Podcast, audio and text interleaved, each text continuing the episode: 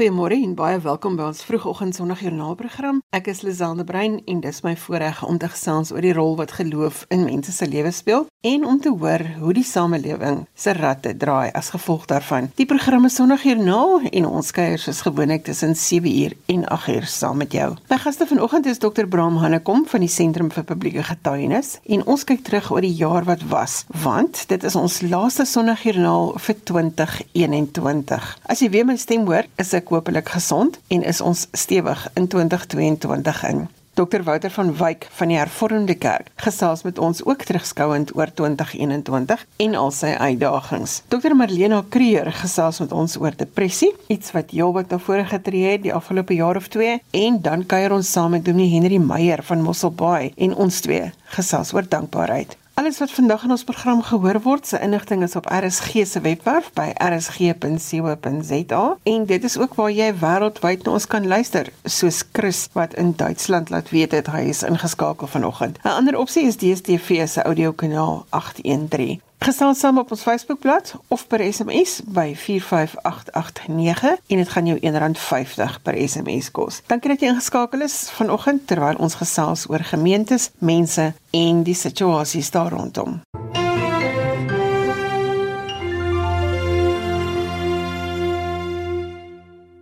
Die sentrum vir publieke getuienis is gestig om binne die NG Kerk familie te funksioneer en die kerk se stem op die markplein te wees. Nou Dr. Bram Hanne kom staan aan die hoof daar aan die stuur van sake en ons gesels vanoggend oorsigtelik oor 2021 en alles wat gebeur het. Goeiemôre Bram.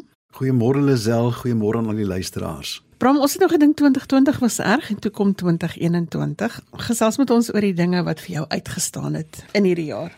Ja, mens voel byna uit asem nie waar nie. Dit was so 'n woelige vinnige jaar en net soos jy gedink het dit kan nie erger nie, daar nog 'n ding gebeur. Ons is die jaar in met COVID. Ons is so stotterend met COVID daardeur en besig. Dit dit is uh, en ek ek sê dit nou al ligtelik, maar dit is mos nou traumaties vir mense wat geliefdes aan die dood afgestaan het. En party daar voel dit vir my asof ons die volle impak, die trauma van COVID eintlik nog nie heeltemal verstaan nie. Dit is sal bietjie soos posttraumatiese stres ons dalk 'n jaar of 2 later tref. Maar ja, COVID is die groot olifant in die kamer en toe het ons agbare vorige president ehm um, geweier om vir die Zondo-kommissie te verskyn en hy is tronk toe gestuur en chaos het losgebars in KwaZulu-Natal.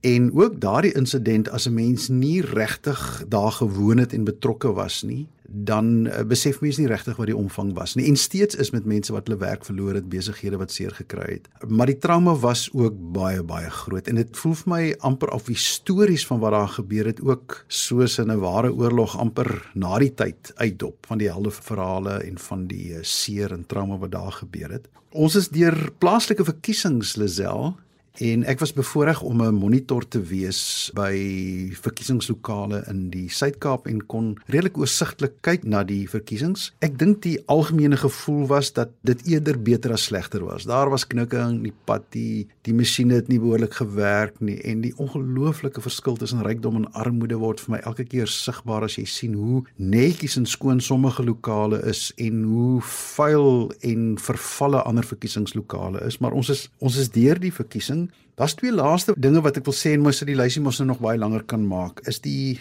stygings in die petrolprys wil ek baie spesifiek noem omdat dit so direk impakteer op armes en werklose mense se lewens. As jou vervoerkoste 10% van jou salaris uitmaak, het dit 'n impak, maar as dit 40 of 50% van jou salaris uitmaak en dit styg soos wat dit wel die laaste jaar gestyg het, dan is dit geweldig. En 'n mens sien dit, ek hoor dit by mense in in o, almal, dis of almal skielik sê, maar kos is duur. Kos is duur. Kos is verskriklik duur.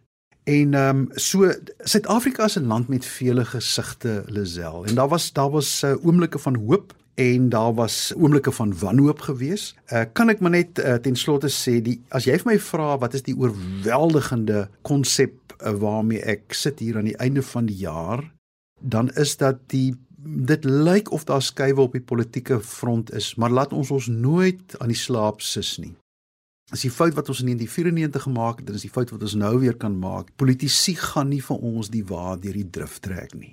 Dis kohesie in die burgerlike samelewing wanneer kerke gewone mense hande vat en dit is waarop ek in die nuwe jaar opnuut hierdie sentrum ook weer sal wil fokus om regtig 'n gesig van die gemeenskap te verander deur duisende miljoene mense wat hande vat. Dis my belangrike punt wat jy maak want dit voel vir my asof hierdie 'n jaar van verdeeldheid was. Ons het COVID gehad met die inent nie inent nie. Dit voel vir my met die politiek is daar daar was verdeeldheid oor vir wie stem jy vir wie stem jy nie. Hoe bring ons hierdie goed bymekaar? Dit voel vir my in die kerk is daar verdeeldheid wat sê is ons nou verlig gaan ons vooruit of bly ons by dit wat ons gehad het. Die feit dat die prys en alles duurder word, krag word duurder, kos word duurder. Jy sê die verdeeldheid is in ryk en arm word net groter. So dit voel vir my dat ons in die nuwe jaar moet werk aan eenheid. Ja, Lisel, die, die lysie is eintlik so lank terwyl jy praat besef ek eintlik niks gesê oor Eskom en beerdkrag nie. Dit het so deel van ons lewe geword. Ons praat amper eers dit word gesien as 'n nuwe normaal. Maar jy's so reg en ek dink in jou analise rondom verdeeldheid, die intensiteit van emosies. Miskien is daar net nog 'n ding wat ek moet bysit. Mense is onseker. Mense is angstig. En wanneer mense angstig en onseker is, dan gryp hulle byna krampagtig na vaste sekerhede. Soos byvoorbeeld om te sê ek moet my laat inent of ek moet my glad nie laat inent nie. En dit word twee pole. En so kry jy 'n verskeidenheid van standpunte vir en teen en dit gaan nie maar net oor 'n meningsverskil nie. Ek kry baie keer die gevoel dis mense wat aan hierdie standpunte vashou asof hulle 'n stukkie sekerheid in 'n see van onsekerheid daarmee probeer vestig. En jy sien dit in geloofslewe, mense se geloofslewe. Jy sien dit in kerke. En dit dit is regtig tekenend van Suid-Afrika. So die vraag is hoe deurbreke ons on, ons dit. Ek ek wil hom 'n stukkie van van van hoop en ek sal een of twee mooi stories ook kan vertel wat die laaste jaar gebeur het. Maar ek wil spyt spesifiek ervaring wat ek vroeër in die jaar gehad het by 'n groot vergadering hier in die Wes-Kaap van die NG Kerk se predikante in sinodale diens en die moderatuur, is daar 'n besluit geneem dat die groot fokus in 2022 veral 200 25 gemeentes gaan wees missionale transformasie. Nou die die woord ek hou nie baie van die woord nie. Die woord is klink nou wat missionaal trans wat dit eintlik maar net wil sê is ons as kerk, as gemeentes, gemeentes moet bemagtig word om die gesig van die gemeenskap te verander. En is dit nie fantasties? So so soos Calvin destyds gesê het, ek wil nie van die kerk 'n beter kerk maak nie, maar die kerk moet verander sodat die stad se gesig kan verander. Ons stede moet verander. Ons gesig, die gesig van die stede en die kerk kan 'n rol daarin speel. En maar maar hoe speel ons daai rol? Ons speel dit wanneer daar groter eenheid kom. Mag ek 'n sensitiewe ding sien? Wat ek wat ek sê, wat ek nog die jaar gesien het Lisel is ek sê dit met hartseer. Daar is meer kerke in die land as ooit tevore.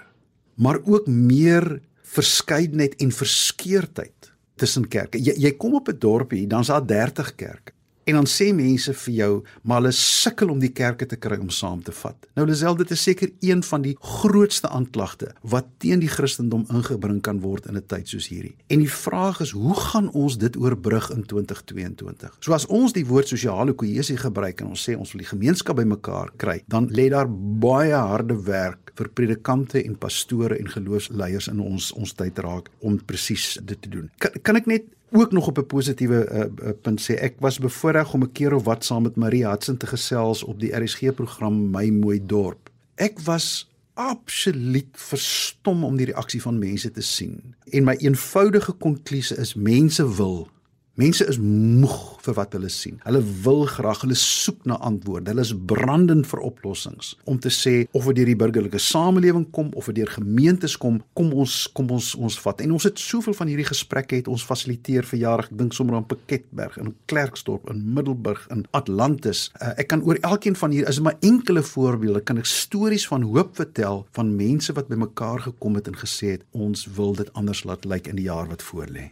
Ek sien dit ook in gemeenskappe waar huishoudings net begin om te recycle, om net weer hulle goeder. Dit begin met die klein dingetjies. Dit begin by jou, dit begin daar diep binne. Bram, met ander woorde wat ons wil sê is die rol van die kerk kan nie onveranderd bly in 2022 nie.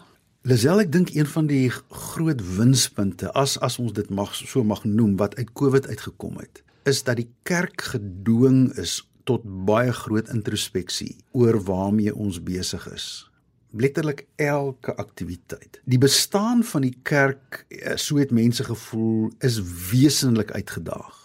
in die in die COVID-19 tyd. Die die eredienste, die groot gesamentlike byeenkomste. Dit het my partyk dae gevoel of ons in 'n skermpie kerk verander in 'n digitale kerk. En die vraag wat daarmee saamgekom het is hoe gaan ons weer gemeenskap bou? Dit wat deel van die Is is van ware geloofsgemeenskap. Daai saam saam kom ek staan nou die dag by 'n by 'n gemeente waar ek moet preek en die dominee is moedeloos want die krag is af en hy sê vir my, "Ag, ons het nou net begin om weer op te tel en nou gebeur dit." En ek sê vir hom, "Wie wat moenie so moedeloos raak nie. Net hierdie 5 mense wat nou saam hier in die voorportaal bymekaar is en daar was op die ount baie meer mense in die erediens. Is vir my al baie kosbaarder as enige video op 'n Zoom kerkie of 'n digitale diens kan wees. Daar's daar's iets in ons bymekaar kom, maar ons moes dit herbedink. Ek het reeds verwys na missionale transformasie. Die kerk, die ek soos ek gesê het, die bestaan van die kerk word in sy wese uitgedaag en die vraag is, hoe gaan ons kerk wees in 2022 nie? Nie sodat die gemeente oorleef nie, maar dat die gemeente werklik die gesig van die gemeenskap verander. Weet julle as jy het ek een voorbeeld gee, ek wil nie dorp uh, se naam noem nie, maar ek's nou die so ook so 'n tyd gelede in 'n in 'n Zoom gesprek het ons die wonder van Zoom, jy kan oor die land nou skielik met mense vergaderings hou. Dit is 'n dis 'n armer gemeente, dis 'n ouer wordende gemeente, dis 'n middestadsgemeente. Alles stel teen hulle en dit is die die die kerk is eintlik in 'n gevaarsone hulle sê vir my hulle kan eintlik nie met die ou mense na ure in die aand byeenkomste hou nie. Dis die realiteit van sommige streke in Suid-Afrika. So wat kan hulle nog doen? En skielik kom die gedagte op, maar ons het dit die, die, die middedorp lyk sleg en is vuil en as haweloos is, kan ons nie net ons tuin mooi maak nie. Kom ons kom ons maak net een mooi tuin op ons kerkgronde sodat dit 'n teken van hoop en energie sal wees. En dalk word dit 'n katalisator vir meer mense, meer besighede. Dalk as ons na besighede toe gaan, gaan hulle vir ons sê, "Maar ons wil selfs 'n bydrae vir hierdie ou mense gee." Dalk kan ons die tuin vol spinasie plant om vir haweloses te sê, "Kom pluk, kom pluk, verniet." Daar daar's soveel daar's soveel geleenthede en ek is oortuig daarvan Lisel dat as ons uit ons klein boksie gaan begin dink van oorlewing en ons begin in hierdie vorm van denke ingaan, mag daar dalk deure en vensters en gesigte en hoop vir ons oop gaan soos wat ons nooit gedink het kan wees nie. En so samevattend, Bram, waarvoor is jy dankbaar en wat gee vir jou hoop?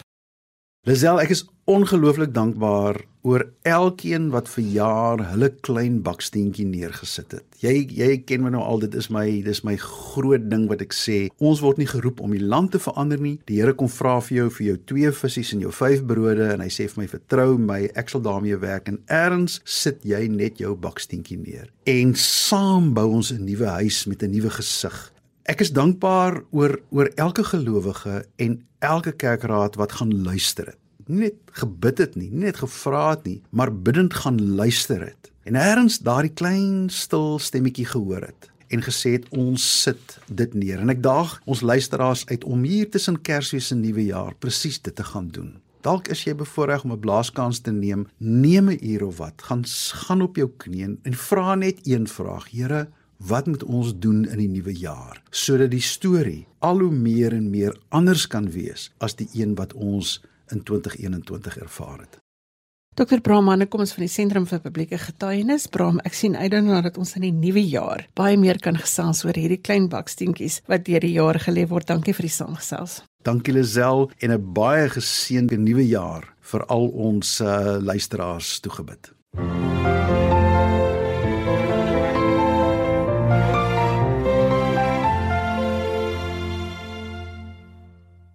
Dr Wouter van Wyk is die sekretaris van die kommissie van die algemene kerkvergadering van die Nederduits Hervormde Kerk en hy sluit vanoggend by ons aan om terug te kyk oor die jaar wat was en hoe die kerk dit oorleef het. Goeiemôre Wouter.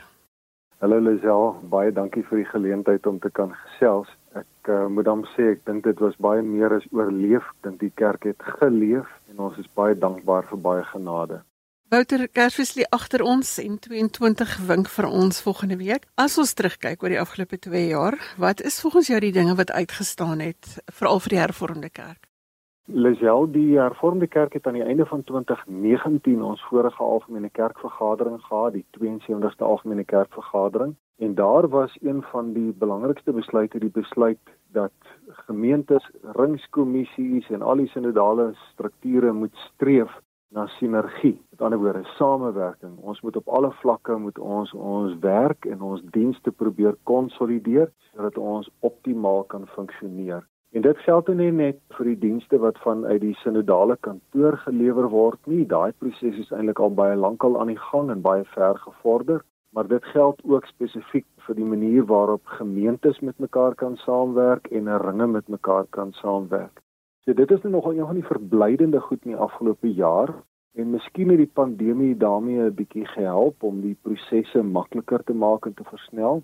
Maar ons het in die afgelope jaar al 'n hele klomp gemeentes wat met mekaar in gesprek getree het en in sommige gevalle het die gemeentes samewerkingsooreenkomste met mekaar gesluit.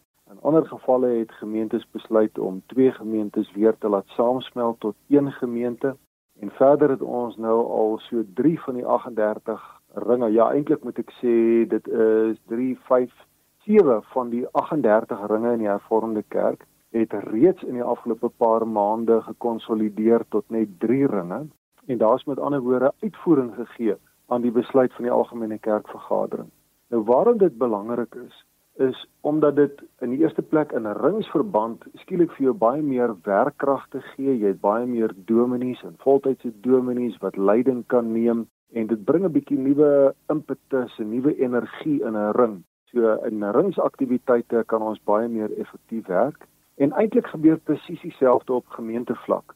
Jy weet eerder is dat jy twee gemeentes langs mekaar het wat elkeen 10 of 20 kinders in die kategese het, gooi jy twee gemeentes saam en skielik het jy 40, 50 kinders in die kategese en dit maak 'n baie groot verskil. En dieselfde met betrekking tot kerkraadslede en mense wat kan betrokke raak by die diakonie en uitreik aksies van die gemeentes en dis meer. So ek dink dis die eerste ding waar ons regtig goeie vordering nou al gesien het in die afgelope jaar en dit gee vir my moed en hoop dat ons ook in die jaar wat kom daarin gaan slaag om verder te vorder met hierdie hele proses van van sinergie van samewerking van nuwe energie in die kerk.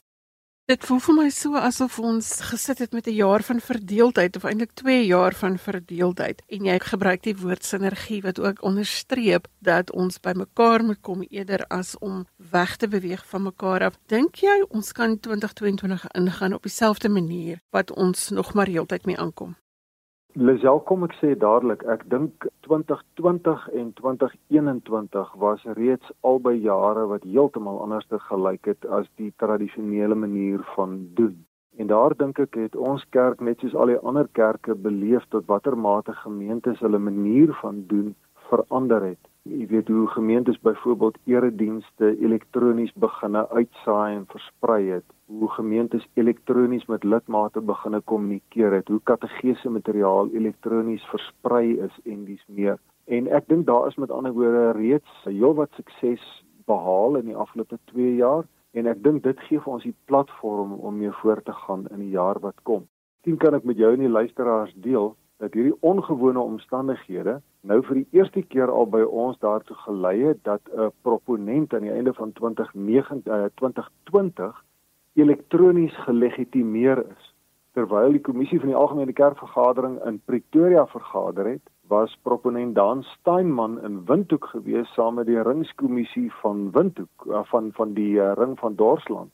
Dit was nou weens al die beperkings en programme en kostes en so aan baie moeilik vir hom om Pretoria toe te kom vir die legitimasie seremonie soos gewoonlik. En die gevolg is dat sy seremonie in Windhoek plaasgevind het in die teenwoordigheid van sy ringskommissie. So wat ek daarmee wil sê is, man, daar's eintlik pragtige mooi verhale oor die soort van aanpassings wat reeds in die kerk gemaak is waarmee ons baie effektief gewerk kry en ek is oortuig daarvan dat ons in die jaar wat kom net daarop gaan voortbou en nuwe planne gaan maak en slimmer gaan word om binne die omstandighede effektief kerk te kan wees.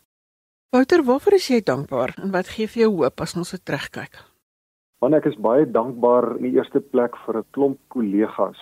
Die kommissie van die algemene kerkvergadering het hierdie loop van die jaar spesiaal 'n brief geskryf aan al die dominees van die hervormde kerk om vir hulle dankie te sê vir die manier waarop hulle voortgebou het, voortgewerk het, al was die omstandighede regtig nie maklik nie. Weet jy, miskien moet ek daarby sê, uit die aard van die saak is ons almal se werksomgewing ontwrig deur die pandemie en inperkings, maar die geweldige hoeveelheid begrafnisse wat predikante moes hanteer toe die pandemie veral in sy derde vlaag ingegaan het, het ook 'n emosionele en 'n uh, geestelike tol wat dit eis op die predikante wat families moet bystaan. En ek is baie dankbaar teenoor die predikante wat regtig baie getrou en toegewyd met hulle werk uh, voortgegaan het. Ek moet ook vir jou sê ek is baie dankbaar vir gemeentelede en lidmate wat hulle kerkrade en hulle gemeentes so lojaal ondersteun het. Ons het baie groot finansiële krisisse verwag in ons gemeentes as gevolg van eredienste wat afgestel is en moeiliker kontak met die lidmate. En by meer as een geleentheid het ringskommissies en die kommissie van die algemene kerkvergadering letterlik van een kant van die kerk begin en gesprekke gevoer ring vir ring met al die predikante en verteenwoordigers van gemeentes. En eintlik wil ek vir jou sê die prentjie in maklik 80% van die gemeentes was dat die lidmate se ondersteuning waarskynlik groter was as wat dit van tevore was. So lidmate het die krisis aangevoel en spontaan uit hulle eie uit hulle gemeentes en hulle predikante ondersteun wat offergawes betref, wat uitreik na mense in nood betref en wat 'n klomp aktiwiteite betref. Daarvoor is ons verskriklik dankbaar. Miskien die laaste ding wat ek kan bysê, ons het in die Hervormde Kerk 'n sentrum vir gemeentelike bediening wat onder leiding staan van my kollega Dr. Frikkie Labeskagni en hy het weer 'n hele skare mense saam met hom wat verantwoordelikheid aanvaar vir verskillende goed. Maar in hierdie krisistyd het die klomp mense wat binne die sentrum vir gemeentelike bediening werk, het hulle gehelp om 'n mentorskapprogram vir proponente en jong predikante te vestig. Het hulle 'n netwerk geskep vir mense wat trauma berading nodig het het hulle gemeentes gehelp om juis hierdie prosesse te fasiliteer waar gemeentes met mekaar gesprek moet voer oor sinergie en konsolidasie. Was hulle in staat gewees om wat jeugwerk aanbetref uit te reik het hulle predikante wat om een of ander rede self in 'n gat beland het met 'n welstandsprogram bygestaan. En die gevolg daarvan is dat ek dink ons eintlik die die mooiste van die kerk raak sien die oomblik wanneer ons in 'n krisis is En baie van hierdie werk, van hierdie uitreik is vir my van die mooiste dinge wat 'n kerk kan doen waar ons uitreik na mense in nood. Saam staan, dit bring ons deur elke krisis. Dr Wouter van Wyk is die sekretaris van die kommissie van die Algemene Kerkvergadering van die Nederduits Hervormde Kerk en ons het vanoggend 'n bietjie teruggekyk oor die jaar ook by hulle. Wouter, baie dankie vir die saamstel vanoggend. Dankie Lisel, baie sterkte vir julle en vir al die luisteraars. Mag die kerk van krag tot krag gaan in die voetspore van Christus.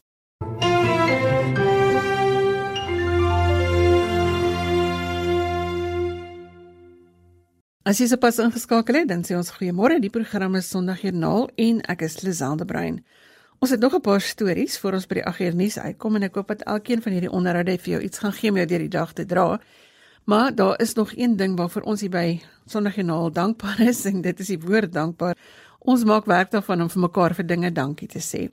Nou ek wil jou uitnooi vanoggend om vir ons te laat weet waarvoor jy dankbaar is. En jy kan dit doen op ons SMS lyn by 45889. As jou vingers nie lus is om te SMS nie, dan kan jy vir iemand in jou huis dankie sê. Sommige vir ietsie kleins, dit hoef nie 'n groot ding te wees nie. En as jy alleen is, kan jy vir iemand 'n boodskap stuur. Vandag is die dag wat jy vir iemand sê jy is dankbaar. So kom ons versprei 'n dankbaarheidsgolf vanoggend. Mm -hmm.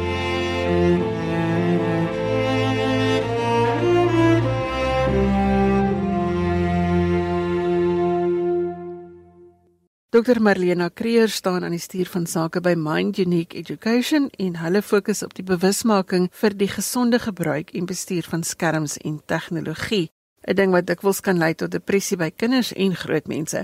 Ons gesels vanoggend oor die welstand van jou geestesgesondheid. Goeiemôre Marlena. Goeiemôre Lisel en al die luisteraars. Marlena, jy het 'n storie van uitbranding en depressie. Vertel ons daarvan. Ja, Lisel, dit is nie altyd 'n maklike storie om te deel en te vertel nie. En ja, ek moet bieg, hierdie is dan nou die eerste keer so 'n bietjie meer in die publiek. En veral maar wonderlik om dit te kan deel. Dit het so 10 jaar terug gebeur, ehm um, terwyl ek by 'n groot publieke universiteit gewerk het en nadat mens projekleier was byvoorbeeld van die uitrol van 'n groot skerm en stelsels vir onderrig en leer En ja, daar was baie bykomende faktore glo ek. Dit dit is nie net een ding wat lei tot die ander nie. Dis maar 'n samevoeging van faktore, die konteks en so meer. Maar hoe dit ook al sê, dit het gebeur met my. Al het ek op daardie stadium nie geweet wat met my gebeur het nie, want depressie was nie in my raamwerk van of woordeskat nie. Ek het eintlik nie geweet wat dit sou wees nie. Ek was en is nog steeds 'n positiewe mens en sien die ligkant, wil die ligkant van alles sien, wil baie dankbaar wees. En hier het ek my bevind in 'n situasie wat ek nie geken het nie. En ek het ja, ek dink toe mense vir my gesê dit is wat hulle dink wat gebeur het want ek dink iemand het gesê nou hoe sou jy dit beskryf? En ek sê ek dink ek het opgepak. en nou oppak is 'n vreemde term, maar op daardie stadium en ek het wel by 'n punt gesê ek dink ek is besig om my siel te verkoop wat vir my laat dink het maar hier is nou iets meer aan die gang jy weet. Jy weet want mens hardloop en gaan aan en jy werk en jy het heel waarskynlik nie die oranje ligte gesien nie en net omgeval soort van jy weet en nie eintlik besef wat gebeur het nie. Maar hoe dit toe nou is ek het gesê wel of dit nou 'n 7 dae is of 7 weke of 7 jaar wat ook al die pad sal ek loop en ek sal doen wat daar te doen is vir hulp en ehm um, waar ook al. En ja die Here is met my besig. Ek is oortuig daarvan dat alles in goeie meewerk die Here het te doen met alles in ons lewens en ons moet net getrou wees en hom vertrou en weet dat alles op die einde goed sal uitwerk en hy is in alles met jou. En ek dink met dit in ag genome en dat mens jou lewe so ook leef kon ek daardeur kom en Ja, alete was ek op swaar medikasie. Daai stadium dan gediagnoseer met groot depressie. Het mens daardeur gegaan en ek onthou so goed wat die psigiater op die stadium vir my gesê het toe ek by hom gekom het en ek het hom beduie dit gaan beter met my en toe verdubbel hy my medikasie. Toe ek vir hom gesê maar hoe werk dit? Want ek het dan verduidelik dat dit beter gaan met my. Tot hy sê wel, hy dink nie ek verstaan altyd so mooi dat ek nou hy het dit nou maar so bietjie vir bietjie ingestel en ek het nog meer nodig om net die herstelwerk ten volle te doen. En hy het die vergelyking dan ook getref met 'n gebreekte arm of 'n been en dat jy soos 'n fraktuur het en dit gaan 'n tyd vat om te herstel maar dit gaan herstel. En ek dink dit is daardie ding wat ek graag ook wil deel en sê ons liggame is so wonderlik geskape dat die Here kan herstel en genees en ten volle herstel en genees sodat ek in minder as 'n jaar se tyd heeltemal kon afgaan van die medikasie want dit stomp mens maar af. Dit maak mens so bietjie minder emosies gevoel. Jy wil graag die lewe ten volle leef hmm. met al jou sintuie en met al jou gevoel. En die Here het ons so geskape Marlene, ek dink jy gebruik taal wat baie mense gebruik. Hulle het nie geweet wat depressie is nie. Hulle weet nie hoe dit voel nie en tog gebeur dit met hulle en dan is hulle heel verras wanneer ons dink ons is aan die stuur van sake dat daar wel uitbrandinge in depressie plaasgevind het. Jy praat van die rol wat God in jou lewe gespeel het, maar verduidelik vir ons hoe dit geloof jou gehelp. Waar het jy vasgehou?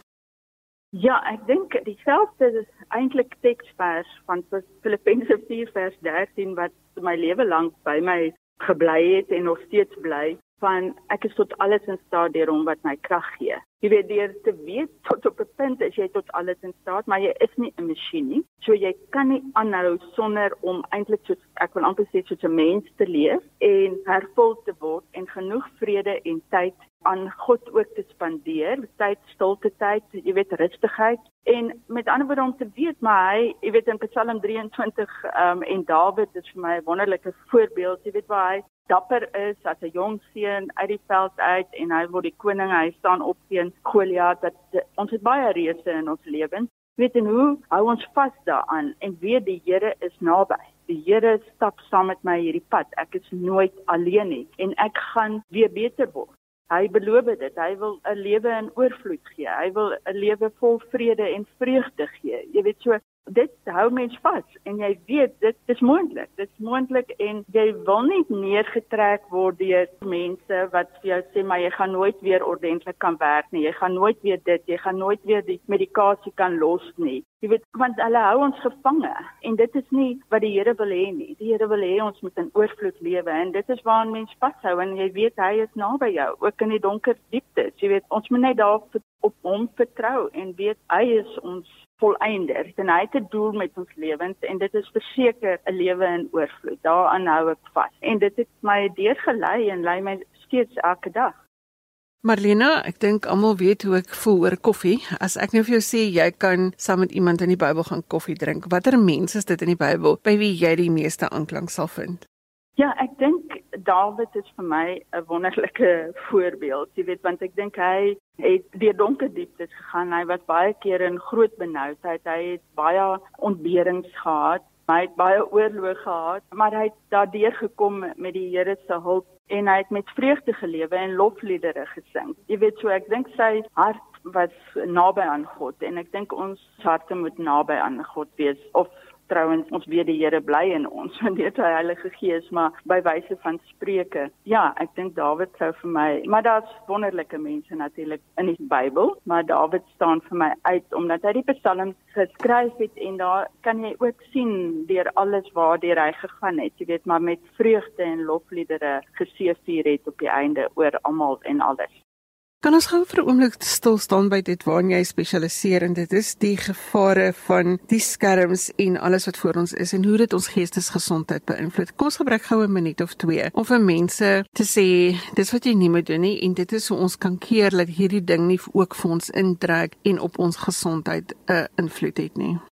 Ja, ek dink dit is en bly een van ons grootste uitdagings in vandag se tyd en soveel te meer natuurlik wil ek glo as ons besig om uit die COVID pandemie uit te beweeg, maar nie te min laat ons weer ten volle mens sal wees in al sy dimensies en laat ons nie afgestomp sal word deur skerms en die gemaklikheid van tegnologie. En as ek daarmee dan praat ek van byvoorbeeld om eerder by die huis na 'n preek te luister as om jou kleertjies aan te trek en kerk toe te gaan. Jy weet en in die gemeenskap van die gelowiges saam te beleef en te ervaar. En dat ons altyd die kritiese vrae sal vra, het ek regtig nou hierdie tegnologie nodig of hierdie skermtyd nodig? En wat is die waarde daarvan? Jy weet, dra dit by tot die kwaliteit van my menswees en dra dit ook by tot die verwesenliking van my doel? Wat is die doel van my lewe hier op aarde wat die Here vir my geskep het? Hoekom het hy my geskep? Sekerlik nie om na baie ander mense se dinge te kyk en te lees en intussen te vergeet om my lewe te leef. En ek dink dis dan wanneer ons so maklik in depressie kan verval en vergelykingsstres en angstig word. Jy weet, want my lewe lyk nie so nie of ek leef nie regtig ten volle nie. En as ons net dink ek meer tyd met die Here dan spandeer, laat ons perspektief kan kry en weer 'n nuwe perspektief en mens in totaliteit kan wees, laat ons nie afgestomp word soos robotte wat nie 'n geestelike sy het nie. Jy weet wat nie al die waarde en die kapasiteit het wat 'n mens het nie. So ons moet ten volle leef en in al sy dimensies en daarom moet ons genoeg tyd ook in die woord van God spandeer met God self in stilte en laat ons sy perspektief in ons lewens kan uitleef en dan ligdraers in hierdie wêreld wees. En ja, skerms en tegnologie het sy plek, maar dalk het ons genoeg daarvan en moet ons so 'n bietjie afskaal en meer leef ten volle soos wat die Here ook dit vir ons gegee het met al ons sintuie, met ons bewegings en so meer. Wyse woorde daarvan Dr Marlena Kreer. Hulle spesialiseer in die bewusmaking vir die gesonde gebruik en bestuur van skerms en tegnologie. Marlena, baie dankie dat jy vanoggend ook jou storie met ons gedeel het. Baie dankie Lisel vir die voorreg en seënwense vir alles wat voorlê. Mm -hmm.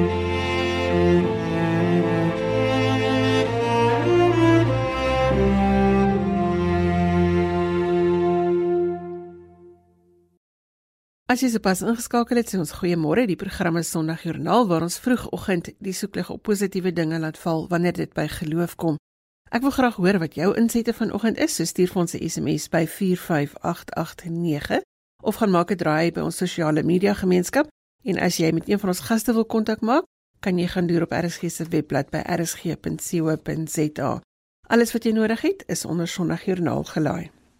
Dominee Henry Meyer is predikant by Mosselbaai gemeente. Hy is 'n krangige fietsryer, maar hy skryf ook 'n blog en vanoggend gesels ons oor dankbaarheid. Goeiemôre Henry. Goeiemôre Lisel. Baie dankie vir die geleentheid. Ek waardeer dit. Henry, Oktober maand, as ons nou so terug gaan 'n paar maande, was vir baie gemeentes se dankbaarheidsmaand en ek het op jou blog raak gelees dat jy na die film The Miracles from Heaven melding gemaak het. Vertel ons so vinnig daarvan. Ja, Lisel, ons het vir die jongens hier by ons kerkie fliek gewys Fliek het 'n geweldige indruk op my gemaak. Dit is nou 'n ware verhaal. Maar die een ding wat 'n indruk op my gemaak het, is toe die mamma praat in die kerk. Sê sy, die volgende aanhaling is in Engels. You can either live your life as if nothing is a miracle or you can live your life as if everything is a miracle. Blykbaar Einstein wat dit gesê het wat interessante een vir my is en toe het ek daaraan gedink, dit is waar vir dankbaarheid ook. En jy kan jou lewe leef asof jy asof daar niks is om voor dankbaar te wees nie. Of jy kan jou lewe leef en alles rondom jou is dinge waarvoor jy kan dankbaar wees. Dit het my laat dink aan um, 1 Tessalonisense 5 vers 18, wees in alle omstandighede dankbaar, wat 'n moeilike een is. Ons is nou hier uh verby Kersfees, nuwe jaar lê vir ons voor. En voor ons ons oë uitvee, jy weet, is dit Paasfees. Jy het ook in jou blok verwys na Jesus wat dankie gesê het so kort voor sy kruisiging. Ja. Elisel, hierdie een is vir my nogal 'n groot een gewees. Die aand voor Jesus se kruisiging, vat hy die brood en hy dank God vir dit. Die Griekse woorde aan die Bybel is eucharisteo. Dis 'n dis 'n baie gelaaide woord wat gaan oor genade en en dankbaarheid. En ek het baie daaraan gedink, hier vat Jesus die brood en wat 'n simbool is van sy liggaam wat gebreek gaan word. En hy dank God vir dit. En ek dink kan daar 'n erger ding in vooruitsig vir jou wees as 'n kruisdood. En uh, Jesus is dankbaar oor dit en dit het my laat dink oor die afgelope 2 jaar wat ons deur is, die afgelope jaar terrible terrible tyd Nou, ons het mense begrawe, ons kon nie kerk hou nie. Dit was dit was verskriklike tyd. Ek is self deur die siekte en Jesus is dankbaar in die lig van hierdie terrible terrible tyd wat vir hom voorlê. Hierdie brood wat hy breek, is 'n simbool van sy pyn, van sy liggaam wat gebreek is vir ons en dit het my regtig diep getref. Wat is die toepassing wat ons hieruit kan neem voor ons nou soort van die nuwe jaar ingaan? Ek weet uit ervaring dankbaarheid verander mense se lewe. Lisel, die ding is nê, nee, 'n mens moet rondom jou soek vir dinge waarvoor jy kan dankbaar wees. Daar's so baie gawes wat die Here vir ons gee ek sit hier op my stoep en ek, ek kyk hier oor die see uit. Dit is iets om voor dankbaar te wees. Die wind waai, ek sien die reënwolke is besig om te kom. Dit is iets om voor dankbaar te wees. My kat lê hier, so sy naam is Lente. Dit is iets om voor dankbaar te wees. En so kan mens aanhou en hoe meer dinge jy voor dankbaar is, hoe meer vrede kry jy in jou gemoed. So of jou hande is oop en jy ontvang, of jou vuiste is gebal en jy veg.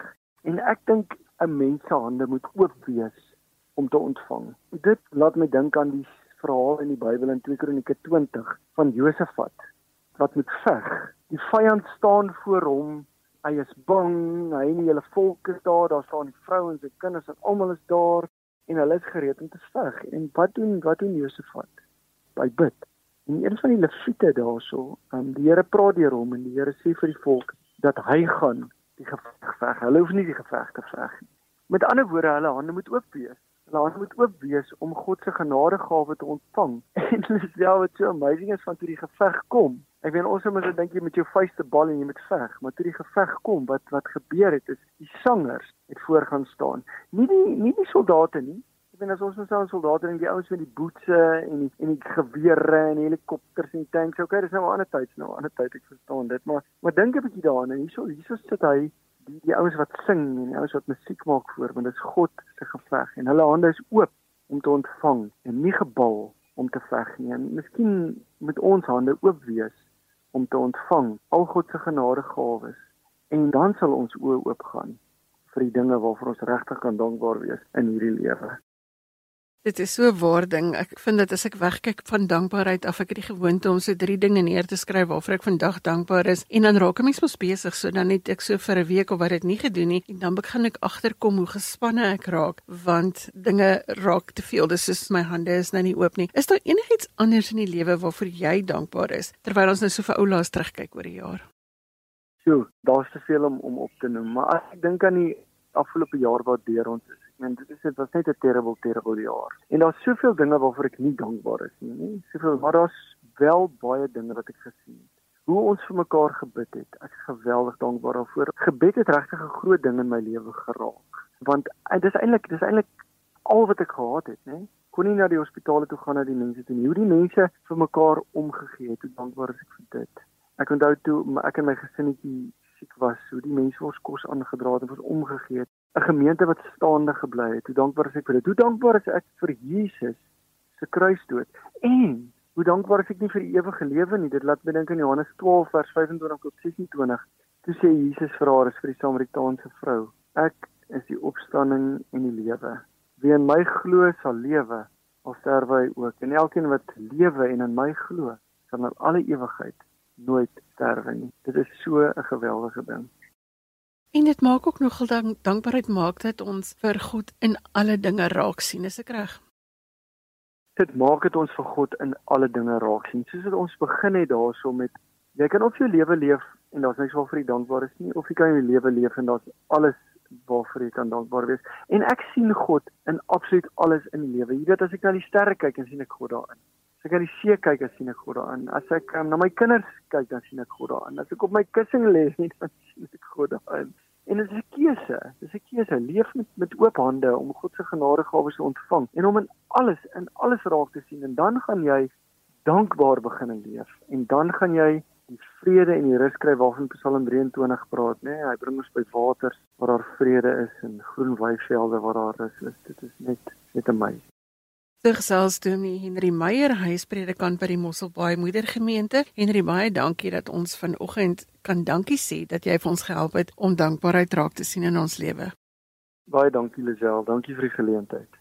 Dit is ons storie vir vanoggend. Ek sê dankie vir my gaste, Dr. Bram Hannekom van die Sentrum vir Publieke Getuienis, Dr. Wouter van Wyk van die Hervormde Kerk, Dr. Marlena Kreer en Dominee Henry Meyer van Mosselbaai wat gesels het oor dankbaarheid. Jy kan Sondag Joernaal kry as 'n potgoed op die webwerf by rsg.co.za. Jy kan ook vir my e-pos stuur as jy 'n geloostorie met ons wil deel. My e-posadres is lazel@wwmedia.co.za. Jy kan my ook kry op Instagram by lazel.inspirasie. Onthou vandag 'n ligdraer te wees in iemand se lewe. Gebruik elke geleentheid wat oor jou pad kom. Ons is terug in 2022 en dit is nou natuurlik volgende Sondag, dan is ons weer aan diens. So tot dan, 'n lekker dag en lekker week.